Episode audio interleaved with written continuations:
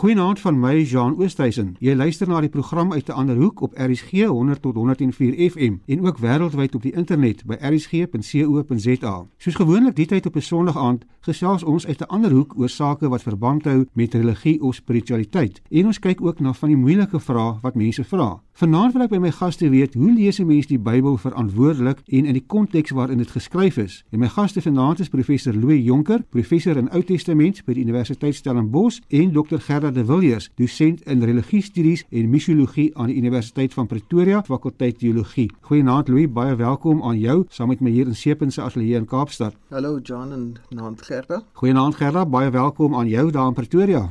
Baie dankie Jean en hallo Louis. Louis en Gerda, die manier hoe mense die Bybel lees en met die Bybel omgaan, bepaal tot 'n groot mate hoe mense ook oor God en geloof dink. Maar ons weet ook mense lees en vertolk die Bybel op verskillende en dikwels ook op uiteenlopende maniere. Louis, Hoe weet 'n mens dan wat is die regte manier om die Bybel te lees? Wat is vir jou die belangrikste riglyne wat 'n mens moet volg? John, ek het reeds van die begin van die 1990s af toe ek my proefskrif geskryf het, het ek uh, baie sterk pleidooi gelewer teen wat ek genoem het eksklusivisme. Nou laat ek miskien dit kortliks verduidelik. Dit is sodat ons uh, baie keer op 'n meer populêre manier 'n onderskeid maak tussen die wêreld agter die Bybel, die wêreld van die Bybeltekste self en die wêreld voor die tekste. Ek dink as 'n mens aan enige van hierdie wêrelde vasgryp en dit eksklusief doen, dan is 'n mens besig om die Bybel skade aan te doen. As 'n mens bloot net aan die wêreld agter die teks, dit wil sê die kontekste waarin die Bybel ontstaan, dit sou vasgryp, dan maak 'n mens daarvan bloot 'n historiese oefening oefening, 'n historiese boek. As ons bloot sou kyk na die tekste self, dan maak ons daarvan 'n literêre oefening. As ons net kyk na die manier hoe vandag geïnterpreteer word, dan maak ons daarvan bloot, ek wil byna sê 'n kulturele oefening. Ons kan dan in die gevaar staan om bloot ons eie sienings in die Bybel in te lees. So ek sou wou sê verantwoordelike uitleg is wanneer ons aan al hierdie wêrelde aandag gee. Wanneer ons dit inbring in ons interpretasies van die Bybel, dan doen ons dit verantwoordelik. Dit wil sê dat ons die tekste self ernstig neem, die literatuursoorte wat in die tekste is, en dat ons in ag neem dat hierdie tekste nie in die eerste plek vir ons geskryf is vandag nie, maar in wêrelde baie lank gelede en oor 'n baie lang tyd gekommunikeer het, maar dat ons ook daarmee kan sê dat hierdie tekste ook bedoel is om vir ons as moderne gelowiges ook saam met die vaders en die moeders van die verlede na te dink oor hoe God ook teenwoordig is in ons wêreld. So verantwoordelike uitleg gee aandag aan al hierdie dimensies. Gerda 2 totaal totaal verskillende wêrelde waarmee ons hier te doen het. Wat is vir jou die belangrikste riglyne vir mense wat vandag die Bybel lees om dit verantwoordelik te doen? Stem saam met Louis dat ons moet onthou dat die Bybel 'n dokument is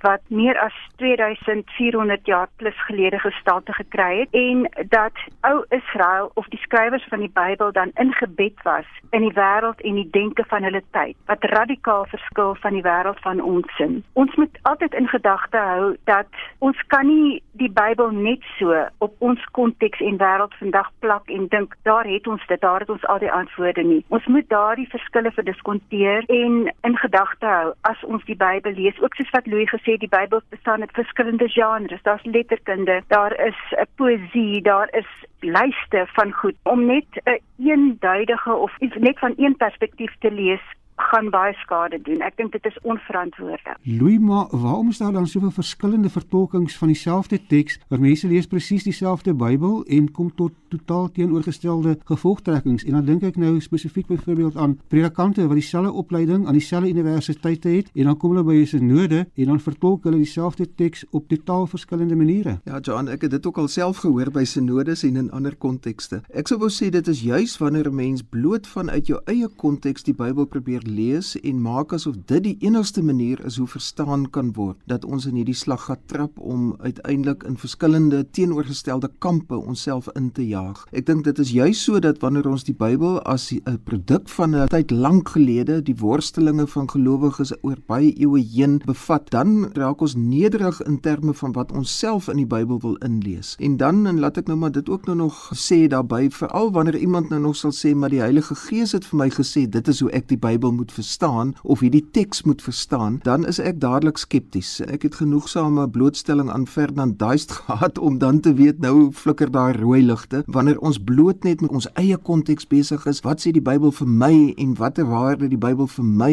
Dan dink ek jaag ons mekaar in verskillende kampe in, dan kan ons nie oor die rand van ons eie piering sien om uiteindelik ook ander interpretasies 'n ruimte te hê daarvoor en om dit ook in ons eie verstaan van die Bybel in ag te neem nie. So weer eens ek wil dit in verband bring met wat ek op die eerste vraag geantwoord het wanneer mense eksklusief bloot vanuit hulle eie konteks te kyk, dan is dit geen wonder nie dat ons in verskillende kampe beland en dat ons dan totaal teenoorgestelde standpunte self sou kon inneem nie. Gerda, maar hoe weet die gewone gelowige dan wie se vertolking van die Bybel is nou reg as hulle na die teoloë luister wat baie keer so radikaal van mekaar verskil en albei groepe maak daarop aanspraak dat hulle dit onder leiding van die Heilige Gees doen waarvan Louis nou praat? Ek dink nie daar is 'n regte vertolking van die Bybel nie, want elke teoloog se vertolking is anders. Elkeen praat van sy of haar eie konteks en sy of haar eie ervaring. Ek wil net teruggaan op 'n meer verantwoordelike vertolking van die Bybel en dit is om soos ek en Louis albei gesê het, om die konteks van die Bybel in ag te neem, die wêreld waarin dit geskryf is. Om 'n bietjie jou vraag te beantwoord van waarom is daar verskillende vertolkings by synodes?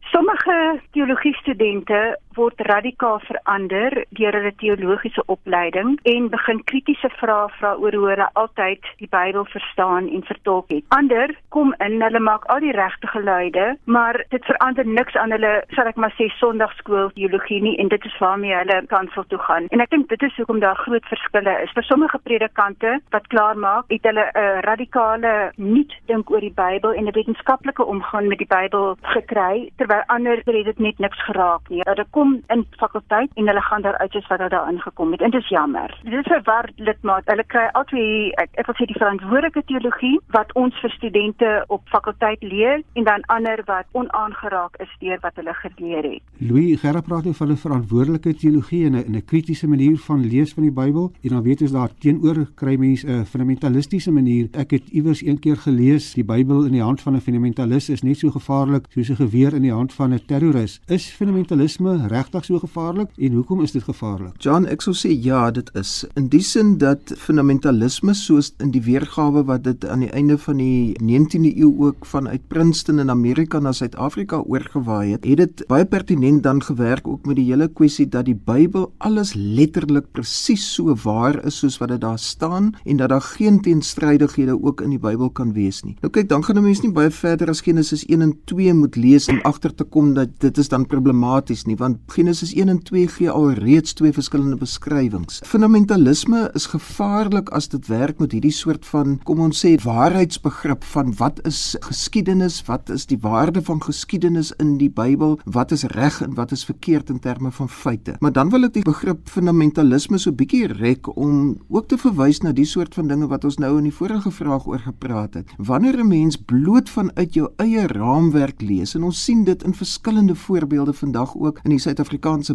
Bybelwetenskappe, maar ons sien dit in die kerk ook, ons sien dit in die teologie ook. Dat wanneer ons nie dit reg kry om ook buite ons eie raamwerke en verwysings te lees nie, dan is ons eintlik besig om 'n soort fundamentalisme te pleeg. Dan sou mens kon sê dit is die soort van uitlegstrategie wat destyds in die apartheidstyd die NG Kerk daartoe gebring het om uiteindelik te sê hierdie soort van apartheidsbeleid is iets wat God vir ons voorsien het waarmee ons ook in hierdie land moet leef. Dit is gevaarlik en daar is sekere sulke sienings wat ons vandag ook kry of dit dan nou is om dit vanuit 'n Afrika konteks te lees of vanuit 'n bevrydingskonteks te lees of vanuit 'n feministiese hoek te lees of vanuit 'n manlik patriargale hoek te lees. Ons kan so maklik in 'n soort fundamentalisme beland wanneer ons dit nie reg kry om oor die rand van ons eie piering te kyk nie. Gerra, ons hoor dikwels omdat iets in die Bybel staan, moet dit so wees en moet dit waar wees, want dit staan in die Bybel, daai the Bible tells me so tipe argument. Is alles wat in die Bybel staan die waarheid net omdat dit in die Bybel staan of is daar ook foute en teenstrydighede in die Bybel? Daar's baie teenstrydighede in die Bybel. Louis het alreeds op een gewys, bloot heel aan die begin van die Bybel, Genesis 1 en 2 is twee verskillende skepingsverhale, twee teenstrydige skepingsverhale, watter een is die waarheid? Vir lidmate, ek weet nie of baie van hulle daaroor dink nie, maar ek dink dit dit gaan hulle dalk ontstel as 'n mens sê, jy weet God praat nie uit een mond nie, maar ek dink ook 'n mens moet jou lidmate nie beskerm daarteenoor nie. Verantwoordelike teologie is tog ook om jou lidmate op te voed om hulle te help om hierdie teenstrydighede in die Bybel raak te sien en te verstaan. Hoekom is daar byvoorbeeld twee verskillende skepingsverhale? Hoekom is daar hierdie teenstrydighede? 'n Mens maak 'n groot fout om jou lidmate se intelligensie ook te onderskat, want baie van hulle lees ander bronne ook en as die dominee of die geestelike leier of wie ook al sê, nee, ons moet die Bybel net so aanvaar, dit is die onfeilbare woord van God en jy mag nie kritiese vrae vra nie. Dit sal 'n baie groot fout wees. Louis, baie mense sê God is onveranderlik, maar is daar nie meer as een voorstelling van God ook in die Bybel nie? As jy mens kyk na Jahwe in die Ou Testament, dan verskry baie van die God waarmee ons in die Nuwe Testament te doen kry. Hoe bring 'n mens dan hierdie twee bymekaar? John, ek dink dit is 'n verkeerde siening om na die Bybel te kyk asof dit iets is soos 'n motor se handleiding. Dit wil sê hier is 'n hmm. lys van dinge wat ons eenvoudig aflees en alles presies klop. Ek sou eerder die Bybel wou beskryf as 'n reuse uitgebreide gesprek oor God wat oor oor eeue heen gestrek het. En dan moet ons mos weet die lewe is so kompleks dat daar nie in elke liewe tydsgewrig en in elke liewe konteks presies dieselfde siening oor God na vore sou kon kom nie. 'n Bekende Duitse eksegeet en Ou Testamentikus Erhard Gerstenberger het op 'n stadium 'n boek geskryf oor theologies in die meervoud in die Old Testament en nie a theology of the Old Testament nie. Die onderskeid daartussen is a theology of the Old Testament sou suggereer daar's maar een teologie oor God wat in die Bybel daar voorkom. Hy sê nee, dit hang af van die konteks. In 'n patriargale stamomgewing dan is God 'n vader. In die koningstyd word God 'n koning. In die tyd van ballingskap word hy 'n lydende knegg.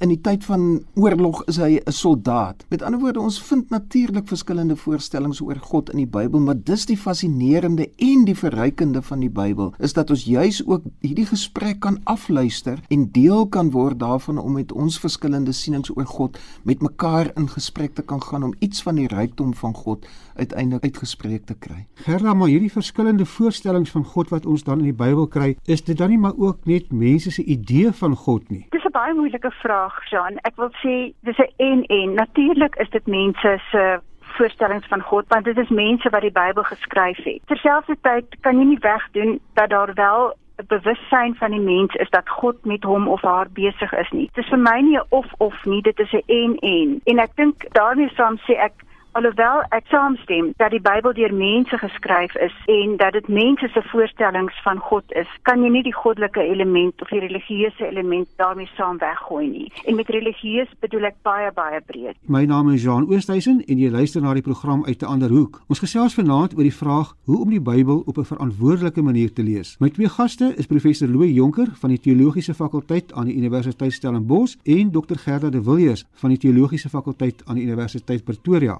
Louis en Gerda, ek wil graag hê ons moet in hierdie helfte van die program so 'n bietjie kyk hoe gewone mense die Bybel lees en waaroor hulle wonder. En Louis, ek weet jy het onlangs so 'n bietjie navorsing daaroor gedoen. Wat was van die belangrike en interessante sake wat jou opgeval het in die antwoorde wat jy gekry het? John, ja, laat ek heel eers beklemtoon dit was 'n baie baie beperkte ondersoek wat ek bloot deur middel van 'n vraelys op die internet aan 'n klompie mense gestuur het. Daar moet nog baie meer werk gedoen word voordat ek sou claim dat dit werklik verteenwoordigend is. Maar laat ek tog sê hier 'n paar interessante interessante goed vir my uitgekom. Dit het daaroor gegaan wat is die sienings wat mense oor die Bybel het en hoe lees hulle die Bybel? Iets wat te verwagte was wat na vore gekom het is dat mense sê ek lees die Bybel met kinderlike geloof en ek dink dit kom baie sterk uit die vroomheidstradisies wat ons weet ook in veral die Afrikaanse kerklike gemeenskappe leef al vir baie lank. En dan ook iets soos dat mense sê ek verwag dat die predikant vir my die Bybel korrek moet uitlê of dan ook ek wil hê dat die kerk, dit wil sê deur synodes en so aanduidelike uitsprake uitsprake uit die Bybel moet maak oor kontensieuse sake. Ons weet dat daar baie sterk siening ook onder Afrikaanse mense rondom hierdie saak is dat daar 'n soort van van bo af met 'n hiërargiese manier ook vir ons gesê moet word hoe om die Bybel te interpreteer. Maar dan tesame daarmee het daar ook 'n hele paar goed uitgekom waaroor daar redelike sterk sienings gebleik het. Die eerste is dat mense sê ons wil graag meer weet oor die agtergrond waarin die Bybel ontstaan het. Omtrent 80% van die deelnemers het gesê ja, ons wil meer weet daaroor wat vir my tog wel sê dat daar 'n historiese bewussyn is onder Afrikaanse Bybellesers. Dan verder ook, ons weet dat die Bybel oor 'n lang periode tot stand gekom het. En dan ook ons is bedag daarop dat 'n mens dalk dinge in die Bybel kan inlees wat jou eie sienings pas. Wat ek tog wel hierin gesien het, is naamlik dalk hier daar in die afgelope 10 tot 15 jaar 'n skuif begine kom rondom die lees van die Bybel wat ek persoonlik as baie positief sou ervaar as dit die geval sou wees. Ek eh, sou graag 'n doktorsgraad student erns wil hê om hieroor vir ons uitgebreide navorsing te doen as een dalk inluister kontak my gerus daaroor dat ons ook hierdie verder kan neem. Ek is tog onder die indruk dat daar in die laaste 10, 15 jaar, miskien dalk selfs onder die invloed ook van moeilike gesprekke wat ons in die NG Kerk gehad het, soos byvoorbeeld oor selfde geslagverhoudings ensovoorts, dat daar 'n baie positiewe skuif begine kom oor hoe mense die Bybel lees sodat dit nie net bloot meer op 'n fundamentalistiese manier gebeur nie. Dis 'n uh, interessante terugvoer. Ons kan miskien so 'n bietjie later na een of twee van hulle terugkom. Gerda Louw verwys nou na 'n skuif wat hy waarneem wat by mense gekom het hoe hulle die Bybel lees, maar ons weet ook die Suid-Afrikaanse teologiese landskap is 'n slagveld van baie verwarde lidmate en selfs dominees, want meeste van ons is geleer in ons jonger dae die Bybel is die onfeilbare, geïnspireerde woord van God en bevat die enigste en die finale waarheid en jy het ook nou-nou daarna verwys. En ons baie mense geleer, jy vra nie vra nie, jy waag dit nie om die Bybel Bybel of die dominee met kritiese vrae te peper nie en as jy dit wel doen, dan is daar gewoonlik maklike antwoorde gegee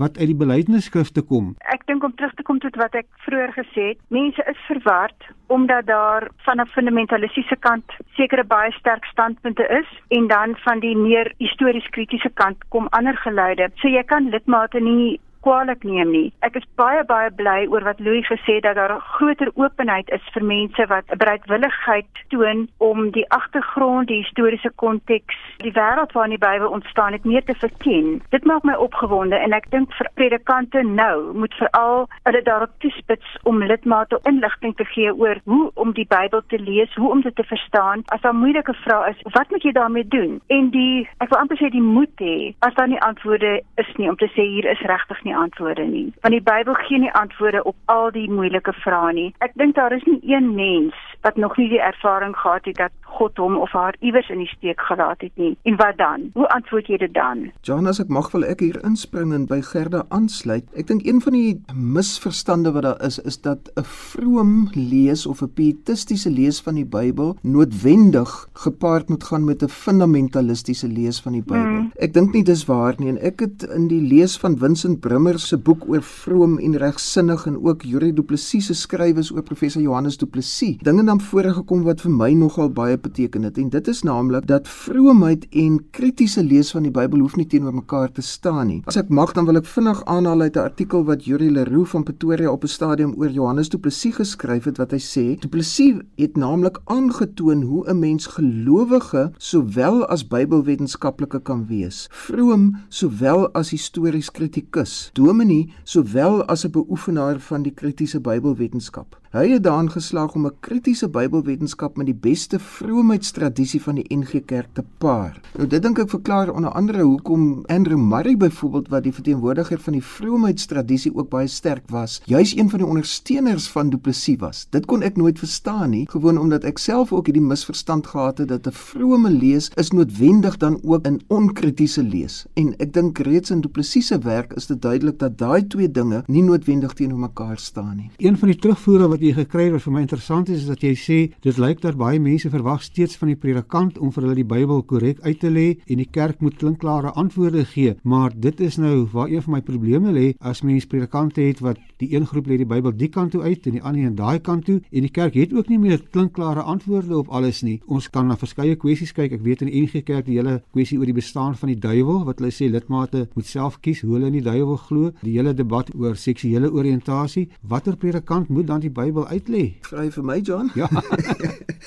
John, ek sou wou sê natuurlik speel die predikant 'n groot rol in 'n gemeente, maar dit hang af of ons die predikant as 'n soort klein pausie sien wat ex cathedra vir ons moet in 'n gemeente kom sê hoe die Bybel gelees moet word, want dan is ons uitgelewer aan die groot verskeidenheid van predikante se sienings. Maar as ons wel die predikant sien as iemand wat 'n fasiliteerder is van die gespreksmatige manier waarmee die Bybel self oor God gedink het, dan is dit 'n ander punt. En daarom probeer ons ook in ons opleiding van predikante dit by hulle inprent is om te sê jy is nie die een wat daar vir mense in die gemeente moet gaan sê so is reg en so is verkeerd uit die Bybel uit nie, maar dat jy langs hulle moet gaan sit om as 'n medeworstelaar oor hierdie groot vrae van die lewe en oor God en saam met die Bybelskrywers van destyds om saam met hulle dan ook die lewenspad te stap. So daarom ook predikante moenie dink hulle is off the hook hiermee nie. Hulle het sekerlik 'n groot rol om te speel, maar nie 'n hiërargiese een om van bo af te kon sê wat reg en verkeerd is nie, want hoe weet elke predikant om dit nou te kan sê? Verder maar baie luisteraars wat nou luister, sal vir jou sê, hoe moet ons nou onderskei tussen dit wat in die Bybel waar en histories is en wat metafories is? En daar is nou soveel voorbeelde wat mense kan noem, reg van die 60 skepping af,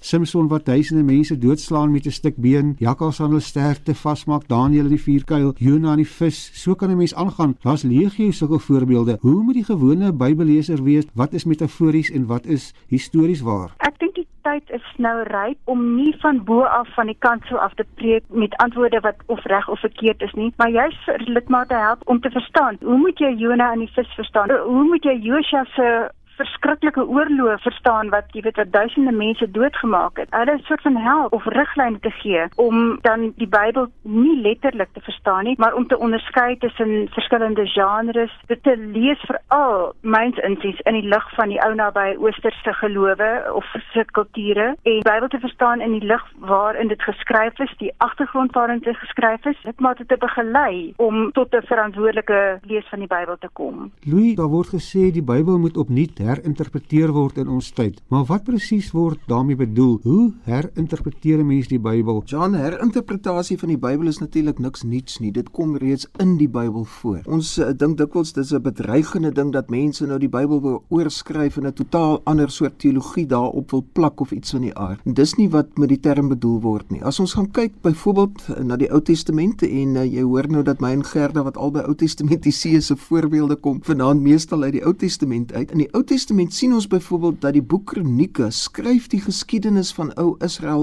oor terwyl ons nog 'n boek of boeke Samuel en Konings in die Ou Testament het wat dieselfde geskiedenis so 200 jaar voorheen beskryf het. As ons die twee weergawe gaan vergelyk, dan sien ons dat Kronieke alreeds besig was om te herinterpreteer vanweë die feit dat die sosio-politiese omstandighede het totaal verander. Waar die vraag vir die mense wat Samuel en Konings geskryf het was, wat het verkeerd geloop dat ons die land verloor het. Die boek Kronieke wil eerder vra, wie is ons in 'n nuwe bedeling waarin ons glad nie meer ons eie koning het nie, waarin ons godsdiens maar een van baie is binne die Persiese omgewing, waar daar verskillende tale is. Wie is ons en hoe moet ons ook na ons geskiedenis kyk om onsself in 'n nuwe tydsgewrig weer van nuuts af te definieer? So herinterpretasie is eintlik die dryfveer agter die feit dat die Bybel tot stand gekom het. Daarsonder sal die Bybel 'n museumstuk word wat ons nie meer vandag sou kon gebruik nie. Ons moet afsluit. Ek wil net hier ten slotte vir albei van julle vra wat albei kenners van die Ou Testament is, wat maak ons met die profetiese voorstellings in die Ou Testament? Kon daardie profete regtig dinge voorspel het? En in my tyd het ons byvoorbeeld geleer en baie mense glo vandag nog, byvoorbeeld goed soos Jesus se geboorte word in die Ou Testament voorspel. Ander teoloë sê nee, ons kan dit nie so lees nie. Louis, wat maak ons met die voorspellings in die Ou Testament? John, die voorspellings in die Ou Testament kan nooit gelees word asof dit in die Ou Testamentiese tydperk al geweet het of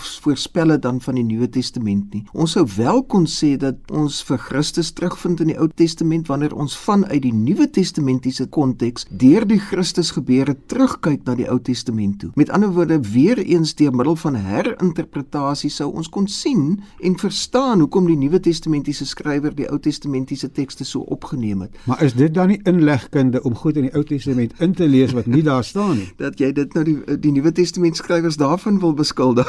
Ja, uiteraard. Ek meen, maar dit is die dinamiese aard van herinterpretasie wat nie buite raamwerke plaasvind nie, maar die dinamiese aard van hoe verstaan uiteindelik voortstuur. Maar dat die Ou Testamentiese profeseë nooit hierdie soort van goed voorspel het op sigself in hulle eie tyd nie, ek dink daarvan kan ons seker wees. Ek stem saam dat die Ou Testament voorspel nie die Nuwe Testament nie. Die profete in die Ou Testament het 'n boodskap gebring vir die mense in hulle tyd en dit is die tyd waarin hulle geleef het. Die skrywers van die Nuwe Testament het net die Ou Testament gehad. Hulle het as 'n mens na Jesus kom, hulle die kleed van die profete rondom Jesus gehang. En ja, noem dit 'n herinterpretasie. Die skrywers van die Nuwe Testament het net die Ou Testament gehad waarop hulle die lewe en werk van Jesus kon interpreteer. Baie dankie op hierdie interessante noot met ons ongelukkig haltroep. Ek dink dit is 'n onderwerp vir nog 'n program op 'n later stadium, maar hierdie tyd ons toe ingehaal en ons moet ongelukkig totsiens sê. Baie dankie aan my twee gaste, professor Louw Jonker, professor in Ou Testament by die Universiteit Stellenbosch en aan dokter Gerda de Villiers, dosent in religiestudies en misiologie aan die Universiteit van Pretoria se fakulteit teologie. Baie dankie vir julle deelname aan vanaand se gesprek. As jy wil kommentaar lewer, kan jy vir my 'n SMS stuur na 45889. Dit kos jou R1.50 vir elke SMS of besoek ons Facebookblad uit 'n ander hoek en gesels daar saam. Ek sal ook na afloop van die program van julle SMS'e daar plaas. Onthou, al die programme is ook as potgooi beskikbaar op RSG se webwerf as jy weer daarna wil luister of die skakel vir iemand anders wil stuur. Van my Jean Oosthuizen, baie dankie dat jy saam geluister het. Ek groet tot volgende week, dieselfde tyd, net hier op RSG wanneer ons weer uit 'n ander hoek oor geloofsaake gesels. Goeienaand.